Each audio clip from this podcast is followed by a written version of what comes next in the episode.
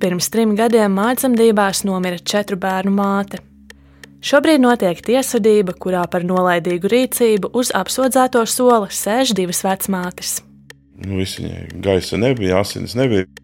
Kamēr sieviete dzemdībās nosiņoja, vecmātes apsūdz par to, ka novēlot izsaukušas neatliekamo medicīnisko palīdzību. Istaba izskatās tā izmēsta, tīrāk nekā es nezinu, kur veikalā, un tas neiet kopā ar klīnisko situāciju. Liecinieki tiesā stāsta, ka vecmātes slēpa pierādījumus par zaudēto asiņu daudzumu. Ir acīm redzams, ka Brigita nomira pēc bērna piedzemdēšanas kaut kādu tādu apstākļu dēļ, kurus manā ieskatā pieļāva vai varēja novērst tomēr vecmātes. Kādēļ divas vecmātes, kuras sēž uz apsūdzēto soli par rīcību mājdzemdību laikā, var turpināt praktizēt? To atvērto failu pusstundā pētīs žurnāliste Ieva Alberta un es Linda Spundiņa.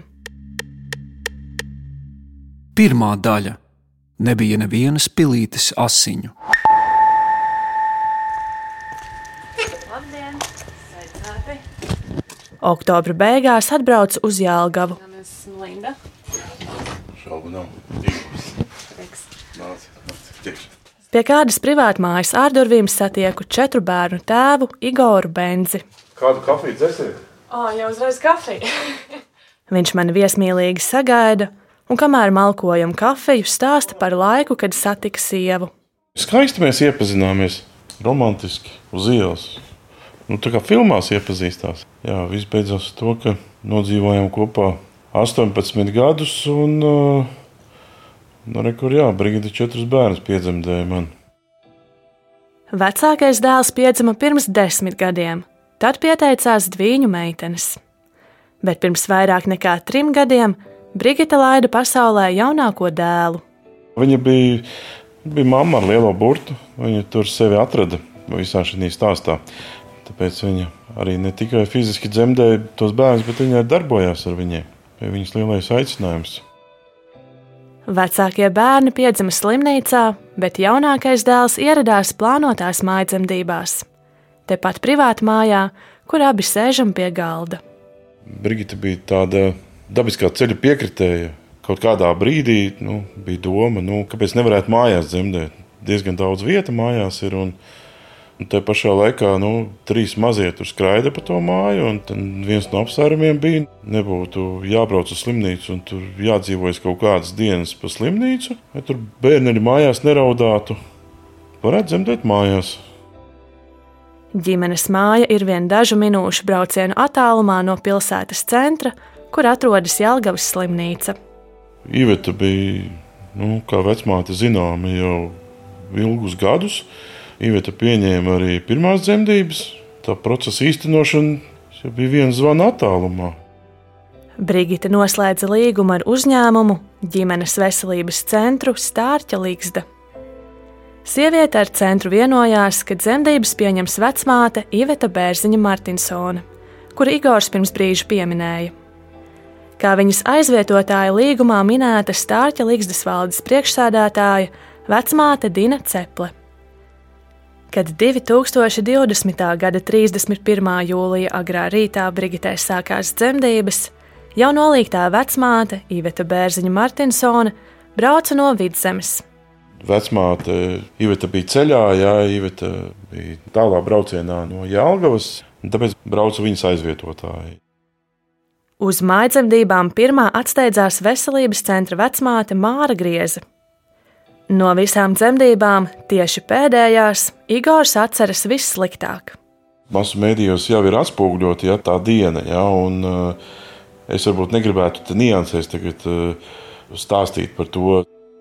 Igors tomēr sāk stāstīt. Dzemdības sākās strauji. Jau sākotnēji bija sarežģījumi. Mazulis piedzima nu, praktiski bez elpas trūkuma, nu, bez elpas. Un, uh, nu, pilnīgi zilā krāsā. Ja, un, uh, Māra, kas aizvietoja Ivetu un kas bija ieradusies uz dzemdībām, uh, sāka visus iespējamos tos atdzīvināšanas uh, pasākumus. Un mazais atguvās, sāka elpot. Par mazuļa dzīvību vecmāte cīnījās apmēram 20 minūtes, atminas tēvs. Pēc pāris stundām, saprotot, ka mazajam Henrikam acīm redzami nekas nekaiš, Igors pārējos bērnus veda uz bērnu dārzu. Viņš stāsta, kad atstāju māju, sieva bija vāja un asiņoja, bet jutās labi. Bija piezīme no vecmātēm, ka, ja tāda asiņošana turpināsies, tad uh, sauksim ātros. Igors atgriezās pēc pusstundas, un tikai tad, īsi pirms pulksten deviņiem no rīta, vecmātes izsauca neatliekamo medicīnisko palīdzību. Tā ieradās dažu minūšu laikā. Nu, viņai gaisa nebija, asins nebija, viss viņa nespēja vairs savaldīties. Viņa tur mētājās vienkārši gultā, nu, raustījās ķermenis. Un, attiecīgi, viņi iedeva kaut kādu nomierinošo, lai viņi varētu mierīgi nonest lejā. Un uh, tad nonesām lejā, un tad viņi sāka darboties uh, tur mašīnā. Brigitu glābt ieradās kopumā trīs ātrās palīdzības brigādes. Igors stāsta, ka mediķi labu laiku centās reanimēt Brigitu. Ātrā palīdzība nespēja vairs neko mainīt, jā, un uh, Brigita turpat pie mājas ātrās palīdzības mašīnā nomira. Brigitas nāves cēlonis ir iekšējo orgānu akūta mazasinība, ko izraisīja dzemdes plīsumi. Citiem vārdiem sakot, viņa nosiņoja. Ir acīm redzams, ka Brigita nomira pēc bērna piedzemdēšanas kaut kādu tādu apstākļu dēļ, kurus manā ieskatā pieļāva vai varēja novērst tomēr vecmātes. Pirmkārt, ja ne gluži mārai, tad vismaz zīvetēji bija jāspēj novērtēt situāciju, un brīdī, kad Henriks piedzima ar tādām pazīmēm, ar kādām viņš piedzima, bija jāizsauc ātri. Un viņām nebūtu tagad jāatbild par savu nolaidību, jo nolaidība ir rezultējusies Brigitas nāvē. Igors apraksta, kā izskatījās istaba viņu mājās pēc sievas dzemdībām. Kad es atgriezos pēc tās pusstundas atpakaļ no bērnu dārza, istabā un gultā, kur gulēja Brigita, nebija neviena pilīte asinis, viss bija sakopts. Arī vēlāk, nedz mājā, nedz ārpus mājas, nebija atrasts neviens pāladziņš, jeb kāds dvielis ar asins pierādījumiem. Kā rezultātā man atliek izdarīt tikai vienu secinājumu, ka visi pierādījumi par to, ka ir bijušas jebkādas asinis, ir tikuši noslēpti. Policija uzsāka kriminālu procesu, un ne jau nepilnu gadu lieta atrodas tiesā. Vecmātes apsūdz par profesionālo pienākumu nepienācīgu pildīšanu, kas bijis par iemeslu Brigitas nāvei. Par to draud reāls cietumsots. Nav pašmērķis kādam tur dabūt notiesāšu spriedumu, lai kāds cietumā sēdētu. Jautājums ir tikai par to, ka normālā praksē eh, būtu jābūt sakārtotam jautājumam par to, ka atzīstot eh, kādu par vainīgu vai vainojamu Brigitas nāvē, četriem bērniem tiktu maksāts uzturs. Viņš pats cēla prasību civillietā, jo vēlas, lai abas vecmātes un arī stārķa līgstas vadītāja Dina Ceple maksā bērniem uzturlīdzekļus. Taču kamēr krimināla lieta nav iztiesāta, civilu lietu par uzturlīdzekļiem nevar izskatīt. Igors apzinās, ka kriminālu lietu visās tiesu instancēs var skatīt gadiem. Tikmēr bērni var pieaugt un tā arī nesaņemt uzturlīdzekļus. Es esmu mamma. Jā. Mamma teica, teica mamma, kā vajag. Es jau varu pārdzīvot uh, un raudāt, cik es gribu jā, par to, ka Brigita ir nomirusi. Man jau šeit jādzīvo tālāk. Man ir jādomā tikai par vienu, jā, kā audzināt un kā materiāli nodrošināt savus bērnus. Otrā daļa. Istaba izskatās tīrāka, kā es nezinu, kur.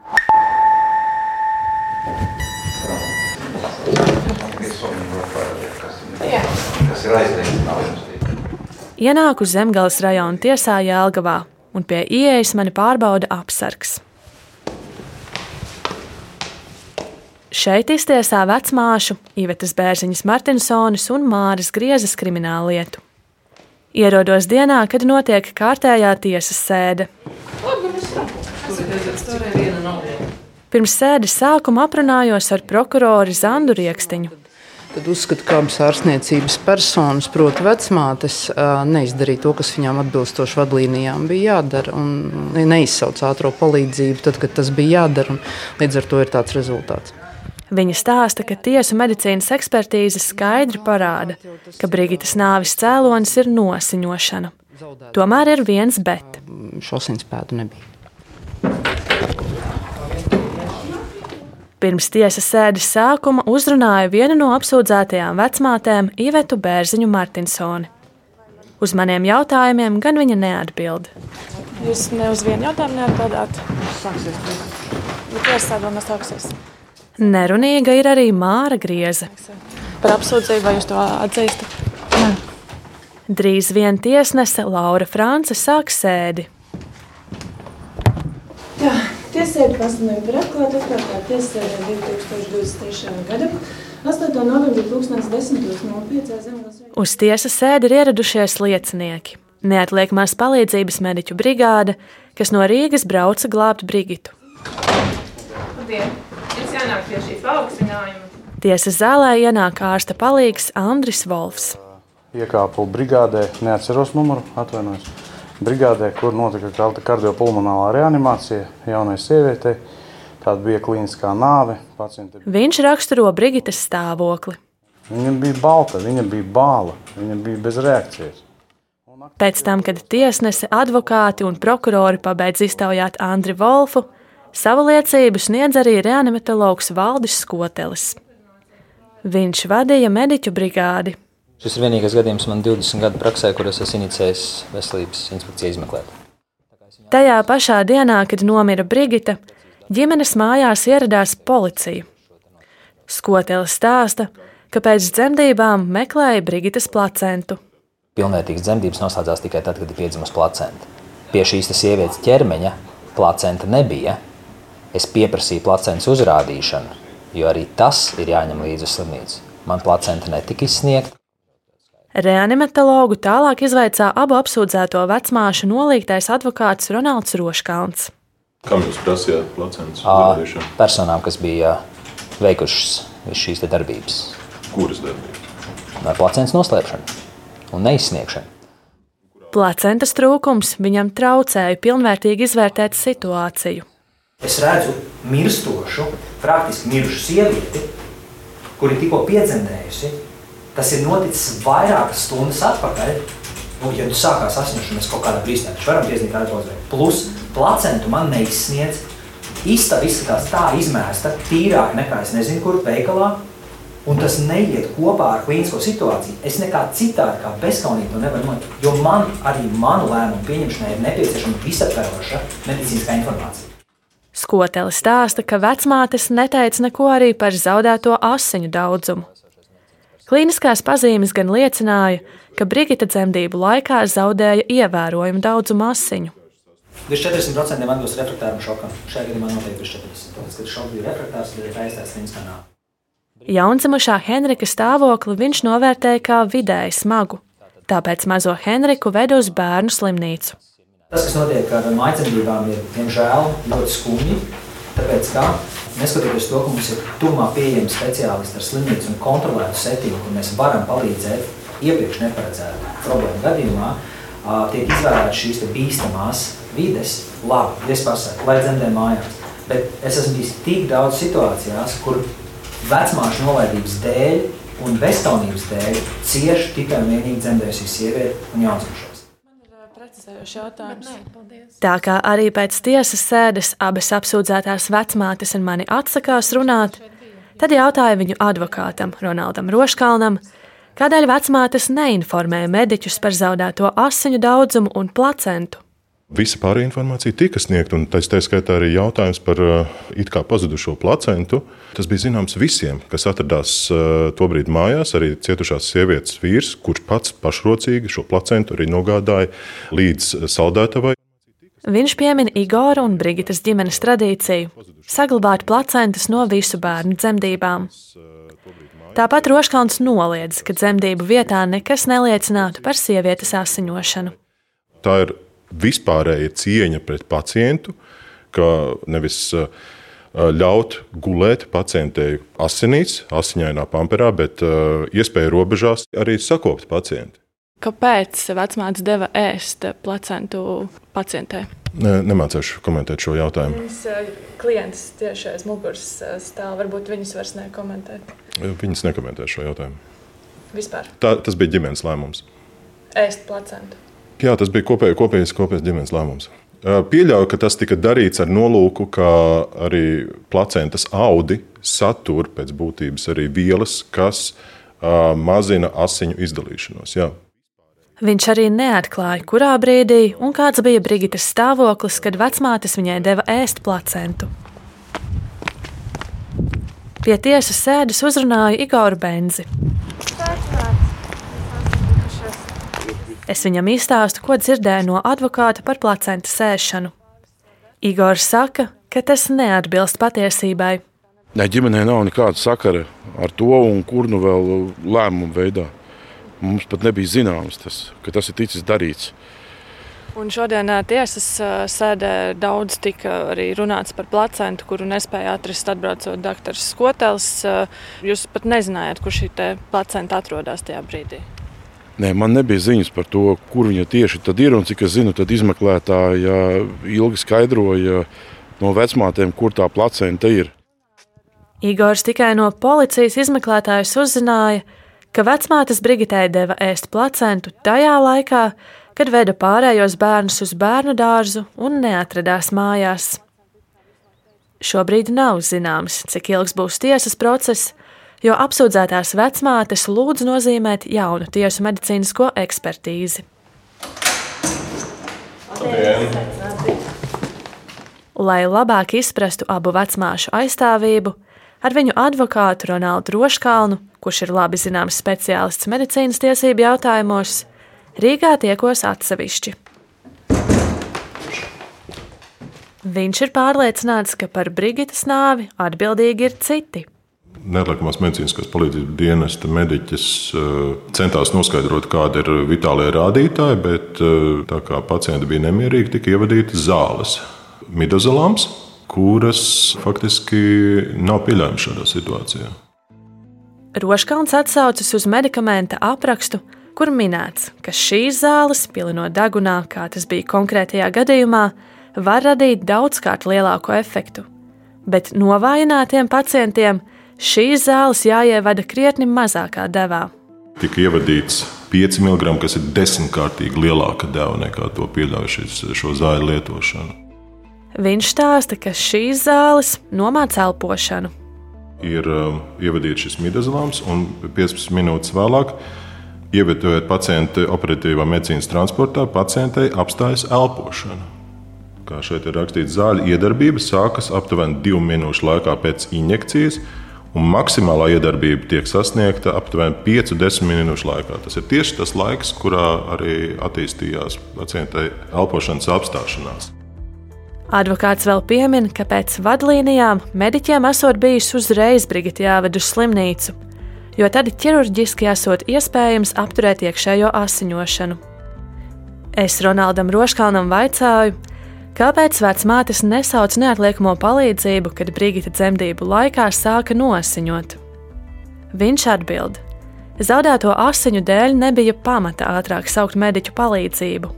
Ja mēs tikai vadāmies pēc uh, zaudētajām asinīm, nu, tad mēs vadāmies pēc tās izpratnes, kādas bija līdz 2010. gadam. Ir šīs uh, respektablās uh, organizācijas rekomendē šādi rīkoties, un arī vecmāts arī tā arī rīkojās. Advokāts stāsta, ka starptautiskas organizācijas, tostarp Karaliskā ginekologu un dzemdību speciālistu koledža Lielbritānijā, jaunākajās vadlīnijās raksta, ka cilvēka zaudēto asiņu daudzums nav galvenais kritērijs, pēc kura vadīties, bet gan klīniskais stāvoklis.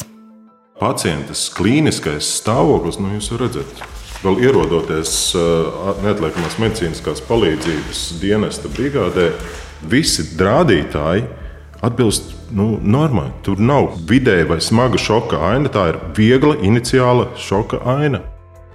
Tiesas sēdes laikā Roškāns par midozolāma lietošanu uzdeva jautājumus arī anesteziologam Valdim Skotelim. Noteikti šī deva ir adekvāta, noteikti piemērojama arī šādās situācijās. Noteikti nav pārkāpts medikamentu lietošanas rekomendācijas, ko rekomendē pasaules literatūra. Trešā daļa - nevar būt demokrātija bez atbildības.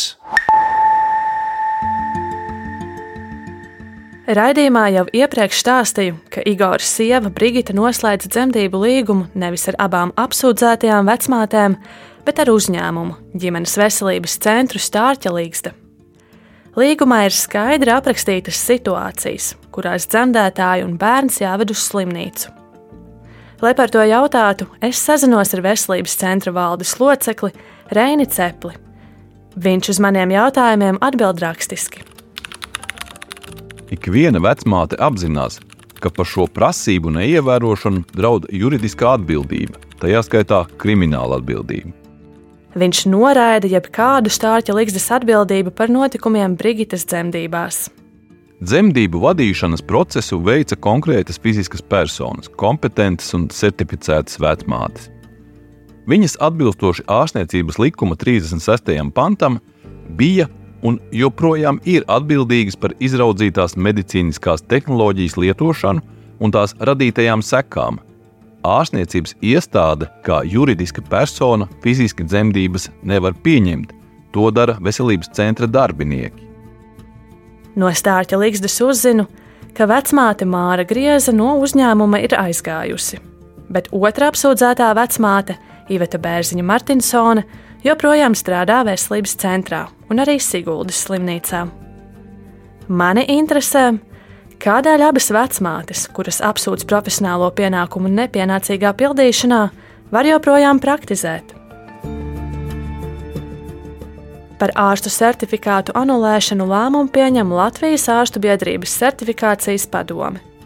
Biedrības valdes locekle un ārste Eva Strīķa stāsta, ka viena pacienta nāve nevar būt par iemeslu tam, lai virzītu jautājumu par ārsta certifikāta anulēšanu.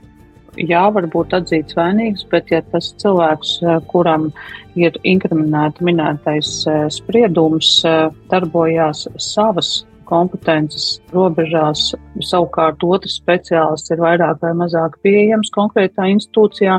Tam man šķiet, ka šis jāskata kopējā kontekstā, un tikai tad mēs varam pateikt, ka mums ir tiesības anulēt certifikātu, ja cilvēka darbības ir izraisījušas eh, cilvēka nāvi. Nu, tad ir eh, certifikācijas komisijai jālemj par to, vai ārsts orientējās vai mazāk orientējās minētajā procesā. Eva Strīķa zina par Brigitas gadījumu, un to izvērtējusi anesteziologu un reumatologu asociācijām, lai mācītos no kļūdām. Mācību stunda ir izskatot šo gadījumu, jābūt daudz lielākai pietātei pret cilvēku dzīvību. Daudz vairāk zināšanas ir jāiegūt, lai mēs katru no tām spētu vai glābt, vai kā minimums nodrošināt šo līmeni, kurā cilvēks ir sācis sirgt.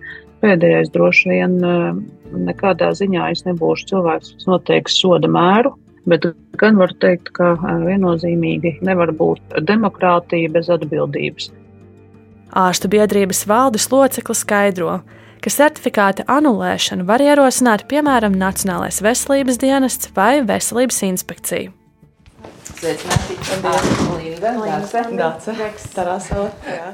Veselības inspekcija Brigitas gadījumā konstatēja nodarītu kaitējumu. Tāpēc ārstniecības riska fonds, kas strādā inspekcijas ietvaros, ģimenei izmaksāja kompensāciju. Man ir zināms, ka atzinumā fonda komisija konstatēja kaitējumu veselībai, jo vecmātes Iveta Bērziņa Martinsone un Māra Grieze profesionāli neizvērtēja pēcdzemdību asiņošanas klīnisko situāciju, kas bija radusies, un viņas pārkāpa neatliekamās medicīniskās palīdzības algoritmu. Līdz ar to iestājās Brigitas nāve. Tā mēs šeit būsim, jā? jā. Ārstniecības riska fonda nodaļas vadītāja ir Dāca Tarāsova. Ārstniecības riska fonda mērķis nav konstatēt nolaidību, konstatēt vainu. Mēs konstatējam, vai ārstniecības persona ir rīkojusies korekti, atbilstoši esošajām vadlīnijām, principiem, jā, un vai ir izdarījis visu iespējamo pacienta interesēs. Viņa stāsta, Inspekcija savos atzinumos balstās uz medicīniskajiem dokumentiem Un, ja tā atzīst kaitējumu, tad lūdz ārstniecības iestādi rīkoties, lai nekas tāds vairs neatkārtotos. Kopš 2019. gada par mātes nāvi dzemdībās kopumā inspekcija ir saņēmusi trīs iesniegumus. Kaitējumu pacientam tā saskatīja tikai Brigitas gadījumā. Veselības inspekcijas darbu pārauga Veselības ministrija. Tāpēc vēršos pie ministrijas galvenās speciālistes dzemniecībā un ginekoloģijā, profesoras dr. Dācis Rezebergas. Mēs tiekamies vienā no viņas darba vietām, Rīgas dzemdību namā, kur viņa ir galvenā ārste. Es viņai vaicāju, vai ārstniecības persona var turpināt darbu, ja tās nolaidības dēļ vai nu māte vai arī bērns dzemdībās mirst. Es domāju, ka tad um, ir kaut kāds nolēmums, kad um, mēs apturam certifikātu pareizi. Jo nu, tik līdz kamēr ārstniecības personā ir certifikāts, tikmēr uh, viņa drīkst. Nu, tas ir tad, tad arī darba devēja droši vien jautājums, vai viņš grib nodar, nodrod, nodarbināt šādu ārstniecības personu. Pēdējo desmit gadu laikā tiesa ir skatījusi septiņas krimināllietas par dzemdībām, kurās ir mirusi māte vai bērns. Kopumā ir trīs notiesājoši spriedumi.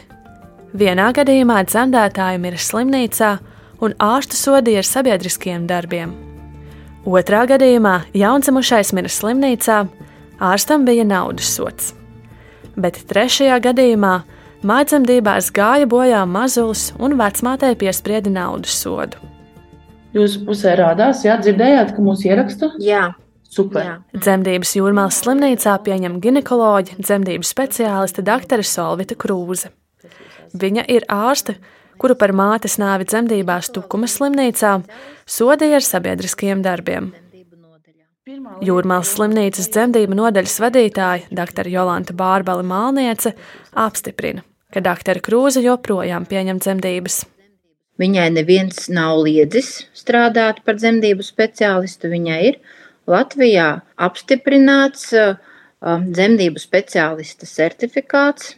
Nu, tāpēc viņa strādā, un viņa tiešām ir ļoti atbildīga ārste, kas ieklausās pacientos, un mums nevienā mirklī nav bijis iemesls apšaubīt viņas profesionalitāti.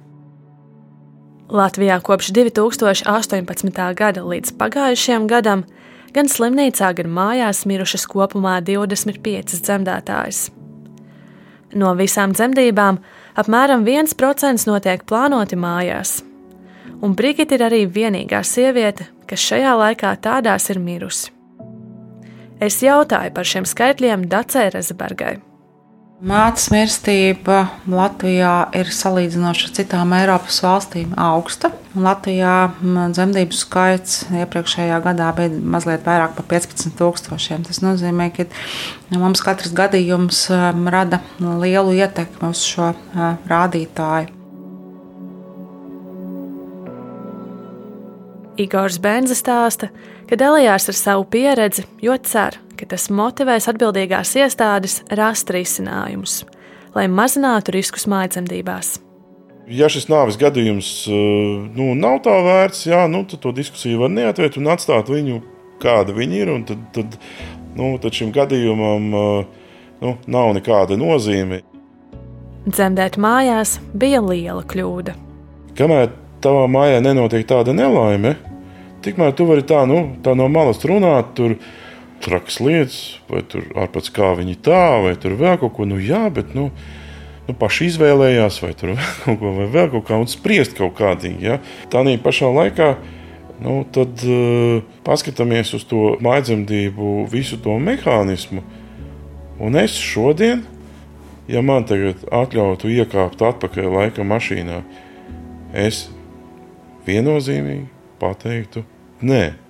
Jo tad es varētu uzdot sev jautājumu, kas būtu, ja Brigita varētu nomirt šeit, mājās. Un tad es mēģinātu atbildēt uz to jautājumu, vai tas ir tā vērts. Igors atklāja, ka viņam klājas grūti un kopā ar bērniem cenšas pieņemt domu, ka turpmākā dzīve jāturpina bez māmas klātbūtnes. Es vēl neesmu ticis galā ar Brigitas urnu, ja, kas tepat tās blakus mums ir. Tad, Tad, mēs tam aizdomāsimies, ka viņa arī piedalās intervijā. Vismaz, nu, ja ne gluži viņa, tad, tad viņas pīšļi te arī klāti. Raidījumu veidoja Linda Spundiņa, Ieva Alberta, Ģedards Ķelzis un Reinis Budze. Atvērtie faili!